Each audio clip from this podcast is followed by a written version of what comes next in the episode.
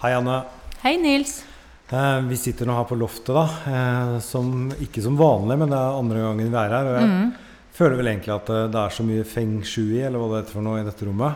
Ja, Eh, det spøker her også, blant annet. Bak meg spøker det. så spøker det. Det er visst en, en mann som går igjen.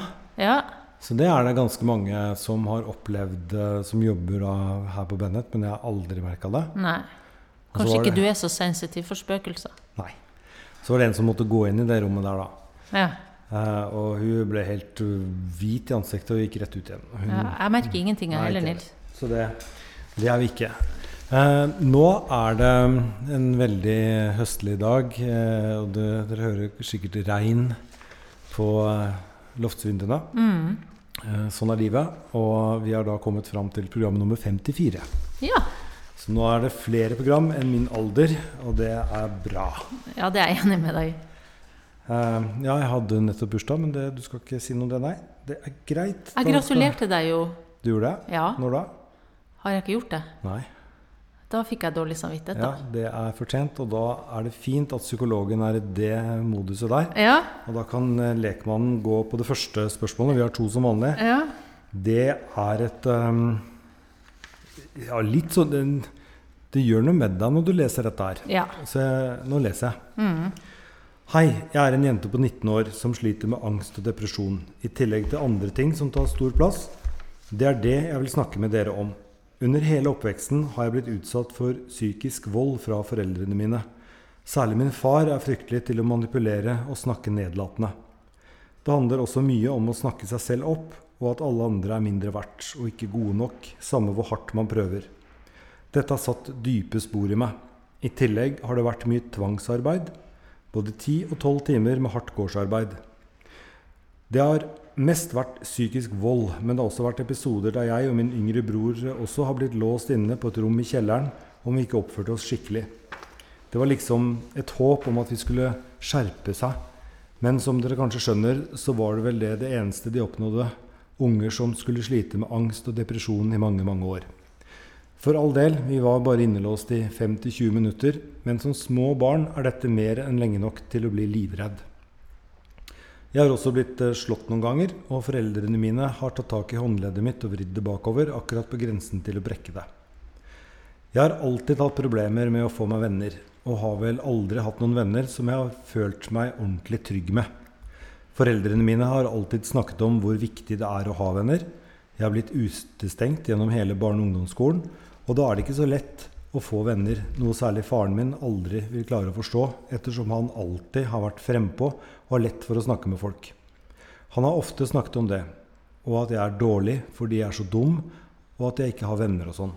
Han har også alltid rakket ned på mine interesser og valget jeg har tatt. Jeg flyttet hjemmefra da jeg var 15 år for å gå på videregående musikk. Da jeg begynte å nærme meg slutten på videregående, egentlig hele videregående skole, men det ble mer og mer intenst mot slutten, begynte han å mase om hva jeg har for planer å gjøre med livet mitt, hva jeg skal jobbe med, om hvor viktig det er å ha en ordentlig jobb, som jeg selvfølgelig er fullstendig klar over. At jeg var kjempeusikker selv, var ikke akkurat så veldig mye til hjelp her, kan man si. Det virket som at han skulle snakke negativt om det uansett hva jeg ville gjøre. Han rakket også ned på meg med tanke på kroppen min og formen min. Jeg har i flere år slitt med kronisk utmattelse, men eh, smerter og mye annet, og all trening, gjør formen min mye verre. Så selv om jeg i alle år har elsket å trene og alltid har vært i god form, så begynte han å kommentere det mer og mer. Jo mer jeg la på meg pga. stillesitting.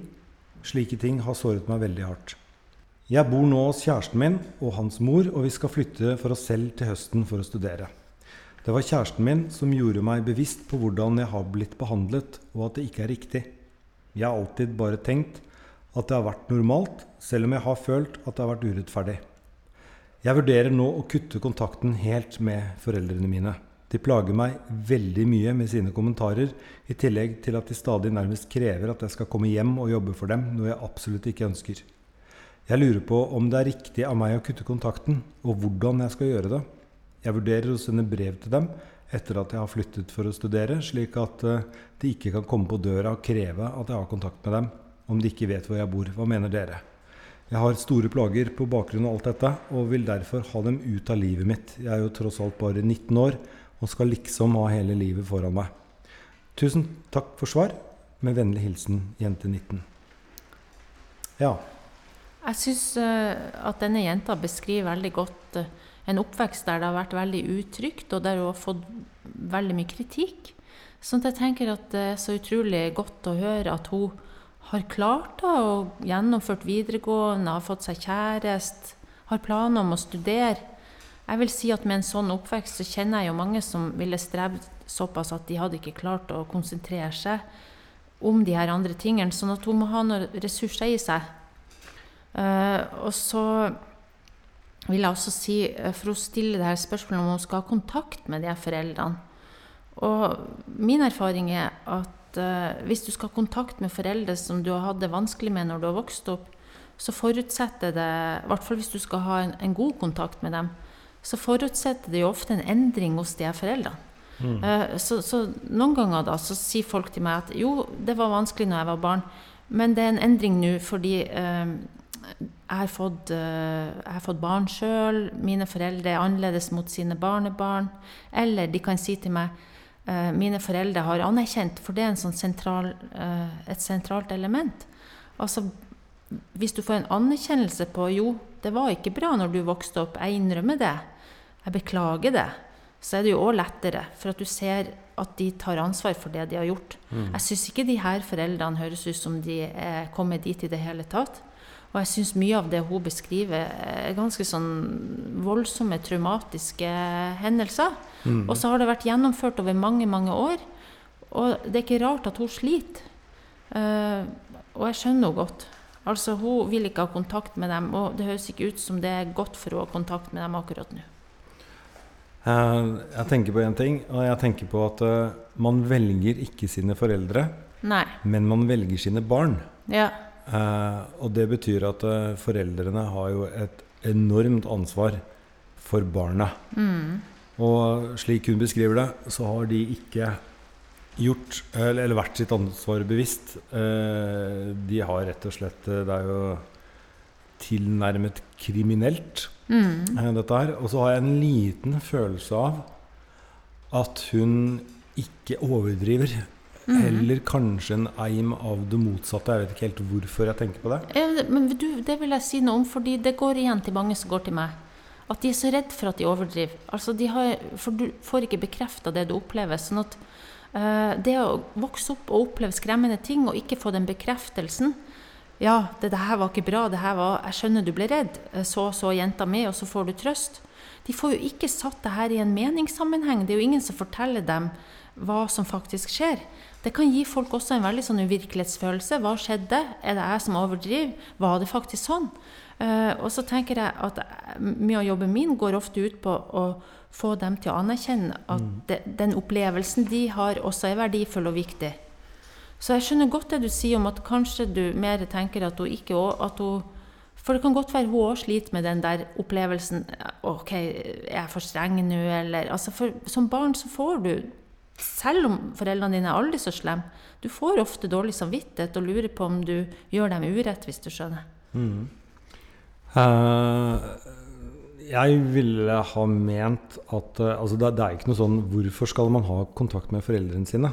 Altså, det, det, det går det an å filosofere litt rundt fordi ja. de har født deg. Ja. Uh, nei, det er jo ikke grunn god nok. Det må jo være fordi de har gitt det et barn skal ha. Uh, alle de basale følelsene man skal lære uh, ja. i barndommen, og i trygghet og alt det greiene der. Det har ikke disse foreldrene gjort. Nei. Så ergo så trenger hun ikke ha kontakt med dem. Nei. Mange av de som jeg møter, de syns jeg er veldig uh, Altså, det skal litt til før du bryter med foreldrene dine. Sånn at jeg tenker de, det, det, er ikke en lett av, avveielse, og mange holder jo ut av plikt og av dårlig samvittighet. og og jeg tenker sånn at jeg syns ikke hun skal begynne å klandre seg sjøl hvis hun ikke klarer det her. Det, uh, men det hun kan gjøre ja. Fordi en sånn at Jeg skjønner det at det, det kan virke litt drastisk liksom, å kutte ut kontakten med foreldrene, men da tror jeg også det er veldig sånn For hva vil de andre si? Eh, altså når du er 19 år og, og du treffer Mm, folk, mm. ja, hvor er foreldre, Ja, foreldrene det er dine? sant, for det kan være Nei, jeg har ikke snakket med dem på press. tre år, Ja. og så må du dra den historien, og det har du ikke lyst til. Nei. At det egentlig det er det ytre eh, presset som gjør at man da ikke velger å gå til det skrittet og si at eh, takk skal dere ha, dere ga meg ingenting. Dere ga meg bare fæle ting. Så herved så sier jeg takk for følget. Jeg klarer meg nå på egen hånd, og da kommer jeg til å klare meg bedre. Men det man kan gjøre man kan, Hun kan skrive et brev. Det ville jeg gjort. Jeg vil ikke snakke med hun, hun foreslår jo det sjøl. Ja, Ja. Og si at hun setter dette forholdet på vent. Mm. Det, det tenker jeg òg er et veldig klokt valg. At rett og slett nå tar jeg en timeout på tre år. Jeg vil ikke ha noe kontakt med dere. Og hvis dere ikke skjønner hvorfor, så syns jeg synd på dere. Da er sannsynligheten veldig høy for at vi aldri kommer til å ha noe mer kontakt. Og så må hun samtidig snakke med lillebroren sin, så han ikke liksom får dobbelt. Eh, det kan også være noe som Jeg tror det var en lillebror. Jo, det er en hun snakket om, lillebror her, Og hun er, hun er 19, så Ja. det kan jo være at lillebroren bor hjemme ennå. Ja, det, og det kan være litt utfordrende, vet du. Fordi eh, det som er for store søsken som flytter ut, det er jo at de føler også mye ansvar for de små. Men jeg tenker hvis dette er en bror som er under 18 år, så tenker jeg at det hun forteller om hvordan foreldrene er, det får meg til å tenke at, at dette er såpass bekymringsverdig at noen faktisk burde tenke på at det kan være noe for barnevernet òg. Eh, akkurat det jeg tenkte på. Mm. Eh, og hvis man da bor eh, på en gård her, som hun, jeg skjønte, så kan det være langt vekk og sånne ting. Og det kan bare være tanter og onkler i Det er i det skjulte at det foregår. Så, så eh, det krever jo ganske mye å bryte kontakten med foreldrene sine. Det krever enda mer eh, å eh, anmelde foreldrene til barnevernet. Men det krever kanskje desto mer å la være. Ja, altså Forutsatt at denne broren er under eh, 18 år, da, så er det også sånn at hun som nær slekting hun kan få velge å være anonym hvis hun melder inn en bekymring. Eh, Det er jo bare vi som er fagpersoner som ikke får lov til det, hvis du skjønner. Og så tenker jeg også at uh, du melder en bekymring, det, men det blir jo barnevernet som må finne ut av det. Uh, Sånn at uh, jeg tenker på et eller annet vis Å kutte ut foreldrene er én ting, men, men hun vil vel ønske å ha kontakt med denne broren. Mm. Så du har jo helt rett i at på et eller annet, hun må jo snakke med broren sin og, og fortelle han litt hva hun tenker på, og finne litt ut av det sammen, kanskje. Og så tror jeg det du sier om å sette forholdet på vent, er viktig. For jeg vil jo si at eh, ting kan forandre seg. Og du er jo ikke nødt til å forplikte deg til å ikke ha kontakt heller. Men det er noe med å også få lov å sette de grensene akkurat nå, når det er en så stor belastning. Men hvis vi bare tar det ett hakk tilbake Ja, uh, er det slik det skal være? Nei, det er ikke slik det skal være. Uh, det som har skjedd med denne jenten, så fremt eh, hennes beskrivelser er riktige, og det mener jeg, jeg mener heller at de kan være underdrevet litt, det skal hun faktisk ikke finne seg i. Og hun skal faktisk også påta seg det ansvaret det er, kanskje, eh, for broren sin, og hjelpe han, slik at han ikke må oppleve dette. Men eh, det, det er noe med å, å snakke med broren sin og kanskje sammen finne en løsning òg. Og så er det noe med at kanskje finnes det noen andre voksne rundt de her som kunne vært til hjelp. Og da kan det være at foreldrene til kjæresten som, eh, altså Hun har jo snakket med kjæresten sin, som sier at eh, 'hallo, dette her er ikke greit'. Det skal ikke være Kanskje sånn. de kan tas med på råd. Kanskje det går an å spørre bror om han har noen å snakke med. Finn noen han kan snakke med. Ja. Eh, jeg tenker at det finnes løsninger her, og at et første skritt er jo den åpenheten hun velger å ha nå. For at hun har jo ingen grunn til å For det skjer også, vet du. folk som, Det som du sier, når de kutter kontakten med foreldrene sine, så blir de litt svar skyldige og Mm. syns det er ekkelt. Og så blir det også kanskje en sånn hemmelighet, da. Og hvordan finne en balanse mellom å si at jeg har ikke kontakt, til å liksom være nødt til å ta hele historien. Uh, og jeg tenker at det er i hvert fall fint at hun kan ha denne åpenheten med noen av de rundt seg. For hun har ingen grunn til å, å måtte skjemmes eller tenke at, at hun tåler lite. Uh, og jeg tenker at det å beskrive, uansett hvordan du opplever ting eller ikke, altså det å bli stengt inne som barn, det er jo mange som går til meg som har veldig store eh, traumereaksjoner på det som voksen. Blant annet har de blitt eh, veldig mørkredd. De tør ikke gå ned. F.eks. har det foregått i en kjeller. De er redd for kjellere. Mm. Altså Dette kan få store konsekvenser, og de trenger hjelp til å bearbeide. Det er jo veldig skremmende for et barn. Men en, en sånn middelvei her, da. Det, det, det, altså, vi må også huske på det du, du sa i starten. Eh, oppveksten som hun beskriver, er ikke greit i det hele tatt. Eh, men hun har klart seg. Mm. Så på således så er hun en sånn slags sånn eh, er et løvetannbarn. Nettopp. Mm. Eh, så, så, det kommer nok til å gå bra med henne, eh, tror jeg. Fordi hun, hun har i hvert fall noen ressurser som jeg tenker hun skal være stolt over. Men det hun kunne ha gjort, det er å tatt med seg kjæresten og kjørt hjem til mor og far. Og bedt om en sånn slags eh, Vi vil gjerne ha en samtale. Mm. Og hvor hun beskriver litt sånn som hun gjør i dette brevet på hvordan hun har opplevd ting, og hører liksom deres reaksjon på det.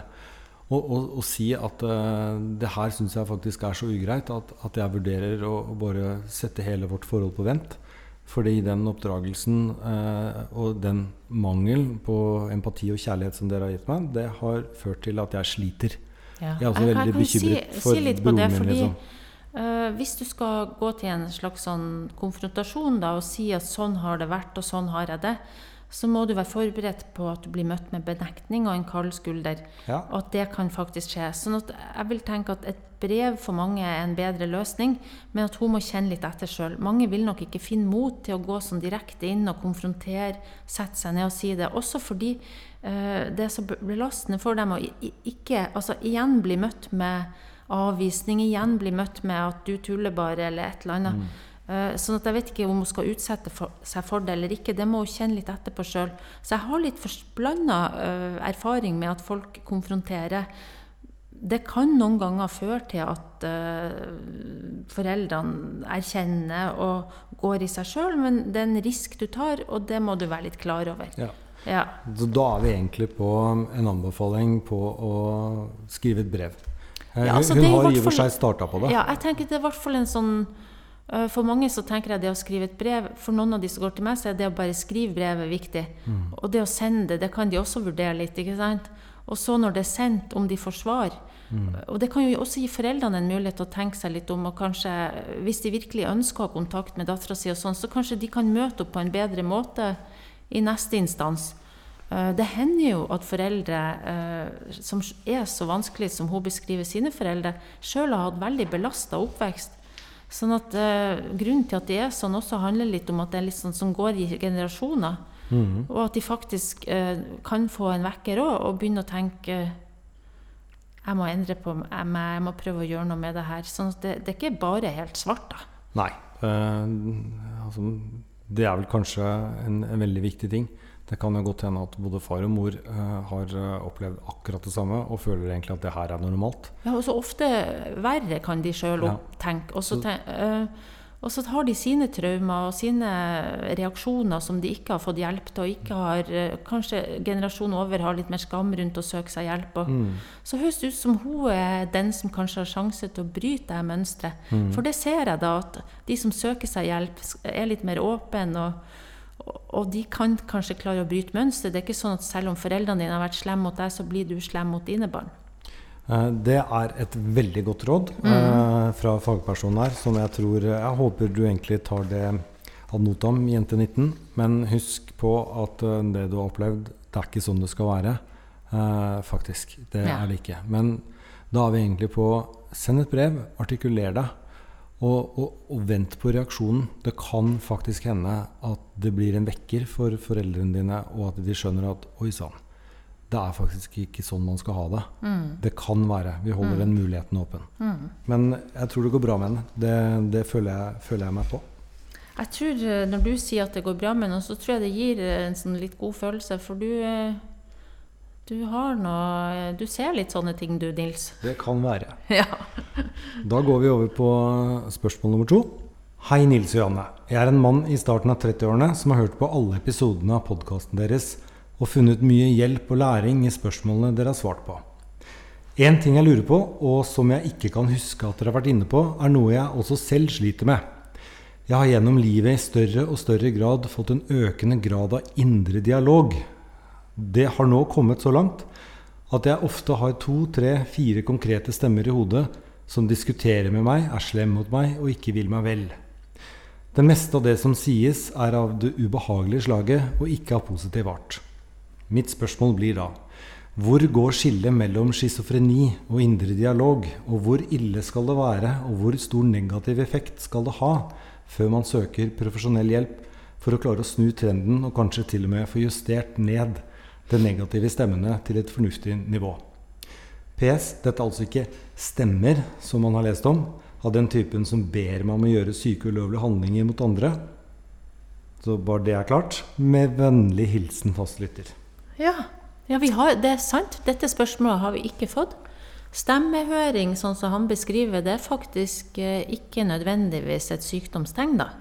Så det fins mange som hører stemmer som ikke føler seg forstått inn i en sånn type diagnostisk eh, virkelighetsforståelse. Så, så det fins eh, foreninger, bl.a. i Danmark fikk jeg høre i dag, som, som har sånn eh, type nettverk for folk som hører stemmer. Ja. Så det som dessverre er med de stemmene, er ofte at de er negative, sånn som han beskriver. ikke sant? Så, så jeg tenker eh, litt spørsmålene så, altså, Er dette schizofreni, eller hvor går grensen mellom schizofreni og de her stemmene? Og igjen, altså en diagnose det er jo som en sånn kontinuum. Det er liksom gradvis, uh, gradvis utvikling mot en type psykisk lidelse. Schizofreni er jo dessverre blitt veldig sånn belasta. Uh, mm. Når folk hører om schizofreni, så tror de at nei, det går det jo ikke an å få hjelp for. Det er faktisk litt sånn, blir litt motbevist nå, og det syns jeg òg er veldig fint. Blant annet jeg som er opptatt av traumer. Eh, som ser at det gjøres veldig mye god forskning, veldig mye godt klinisk arbeid der Schizo, altså folk med schizofreni er jo innenfor kategorien psykoselidelser. Der de får traumebehandling for det som de har opplevd som er posttraumatisk. Da, at de har uh, Mye av det her som de plages med, har jo en, en rot i virkeligheten. Men i schizofreni så har det tatt en dreining der du har mista uh, kontakten med virkeligheten. Eh, sånn at det blir mer sånn type Det er ikke bare stemmer. altså Det er hallusinasjoner, ofte hører og ser ting, kanskje lukter ting som ikke er der. Men det er ikke eneste det er ikke den eneste faktoren. Altså, du må i tillegg eh, ha type vrangforestillinger. De er ofte bisarre. Eh, det kan være at en forestiller seg at en eh, blir forgifta, eller en kan lese tankene til andre, de kan lese tankene mine. Det kan gå på storhetsforestillinger, jeg er Jesus. Eh, det er, det er, noe med det, i tillegg til de her negative symptomene som en snakker om. At du isolerer deg, du blir affektflat. Du har også sånn type disorganisert tenkning. Altså Det går utover konsentrasjon. Eh, du får veldig mye assosiasjoner. Du får kanskje sånn taleflom. Så det, du vet at det er ikke bare stemmehøring som er um, Altså med stemmer så er du ikke per deff schizofren, da. Nei, det, og, det er jo det han spør om. Ja. Eh, nå har jo ikke jeg noe utdannelse i dette her. Eh, men jeg liksom tror det at uh, hvis du er schizofren, så er det at det er på en måte uh, en slags sånn spalta personlighet. Ja, altså, det, det, mange tror, men det er ikke det. Det er, det er mest av alt eh, at realitetsvurderinga svikter. Ok. Ja. Men han har da tre til fire konkrete stemmer ja. som snakker til han. Og da, ja. da, da liksom leser han slik at uh, han hører på en måte stemmene deres mm. inni seg. Det er, mm. Og det er bare han som hører dem. Men at de er en del av han mm. fordi de uh, kritiserer uh, Det er som å ha sånn tre-fire styggen på ryggen ja, som snakker det, det, til deg inn, inni hodet. Liksom. Det er det liksom. jeg mener med at det også er litt sånn gradvis. At vi alle til en viss grad Vi har jo en indre dialog alle sammen. Eh, men for noen så blir den så sterk at det høres ut som fremmede stemmer. Jeg som har jobba mye med traumebehandling, eh, kan jo oppleve ofte at folk forteller meg at de har kritiske stemmer. Bl.a. hvis de har vært utsatt for overgrep eller vold, så har de en stemme eller to eller flere som liksom sier 'du er dum, du er stygg', ikke si noe, du, eh, er tullete som sier noe. Men de er ikke De har ikke mista De har ikke fått en type realitetsbrist de skjønner uh, enda, de skjønner jo at dette ikke er reelt. Mm. Uh, men det kan høres Det høres ut som fremmede stemmer, det er jo det han sier òg. Ja. Men han har jo en forståelse av at dette ikke er reelt. Ja. ja. Så ergo er han ikke schizofren. uh, egentlig. Det tror, tror jeg ikke. og så vil jeg også bare si at du kan allikevel trenge hjelp. Ja, det Ja. er fordi det var da mitt neste spørsmål. Ja. Det er vel en, som regel en årsak til at disse tre-fire stemmene snakker til deg. Mm. Uh, og, og da er det lurt å, å få hjelp for å finne ut hva er det egentlig som har avstedkommet det. Er det, er det noe som uh, vi må ta tak i? Det kan Altså, det for være. at jeg tenker, jeg, jeg får i hvert fall tanker om at når det er kritiske stemmer, og sånn, så er det jo også kanskje en historie med mye kritikk. Uh, at du har havna i et mønster med veldig mye negativ selvvurdering fordi du også har blitt behandla dårlig i historien din. Eh, så jeg tenker kanskje trenger du hjelp med det. Trenger å få litt sånn bearbeida ting som har skjedd deg. Kanskje du har blitt mobba, kanskje du har opplevd eh, veldig kritiske foreldre. Apropos hun 19-åringen vi snakka om i stad. Ja. Eller ellers så er det jo sånn også at eh, det fins Altså hvis du søker hjelp, så fins det jo teknikker for å liksom trene seg opp til å overse stemmene litt, da. Og så tenker jeg helt på den andre enden av skalaen. Går, Ja. går det an å bruke det til noe? Ja. Og går, går det an å snakke til dem, eh, de stemmene?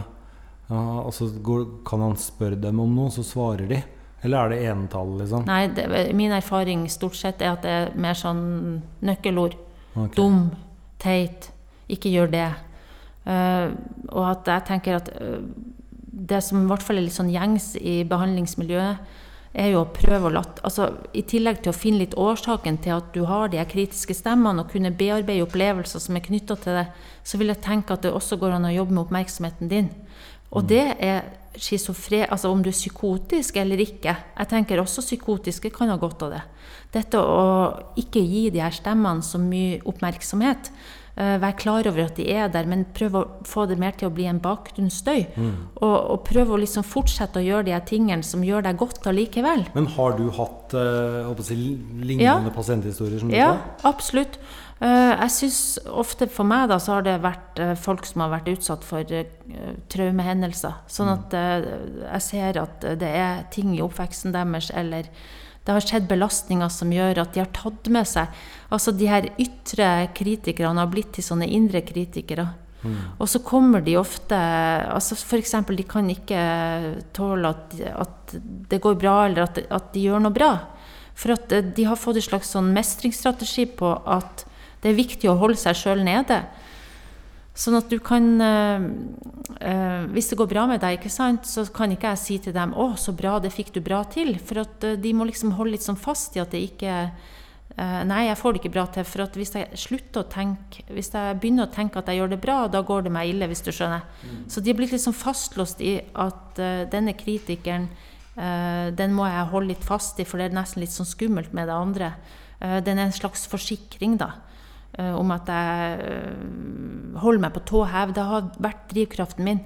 Sånn at de er liksom redd for å gi slipp på det òg. Ja. Og så er det, For noen er det mer en sånn indre dialog, for andre kan det bli mer som stemmer. da. Men sånn oppsummert er eh, nei, det er ikke farlig, men kanskje vurdere å bare ta en samtale med en psykolog. Jeg tror det, og gjerne noen som kan litt om det her med oppmerksomhetstrening. Vi har jo snakka litt om det. Det handler om å Altså, dette vil jo være som en sånn eh, Kan du skru lyden ned? Altså, vi må leke oss litt med hvordan du skal håndtere eh, de her stemmene. Kan du skru lyden ned? Kan vi prøve å få litt oversikt over når det trigges, sånn at du kan sette inn f.eks. en litt sånn eh, en motkraft. Ja. kan du, også, du kan også trene på å, å la de her stemmene bare være i fred, og så har du fokus på Nei, jeg hører de, men nå har jeg fokus på at jeg sitter her, jeg gjør det jeg gjør nå. Jeg holder fokus på noe annet som jeg ser i rommet, eller dialogen med deg. Du kan trene. Ja.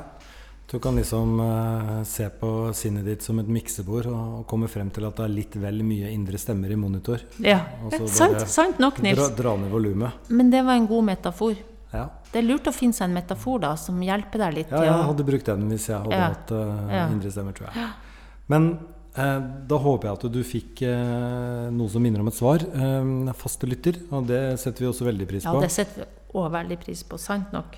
Neste gang eh, vi skal eh, snakke sammen, så tror vi faktisk at det blir en eh, Live podcast igjen. Ja, på, på biblioteket på St. Olavs. Ja. Og da har du tenkt at eh, temaene bør være Jeg tenker at det må være ensomhet, fordi noe rundt det. For at vi prøver jo å få det til rundt innsamlingsaksjon, og der er temaet ensomhet.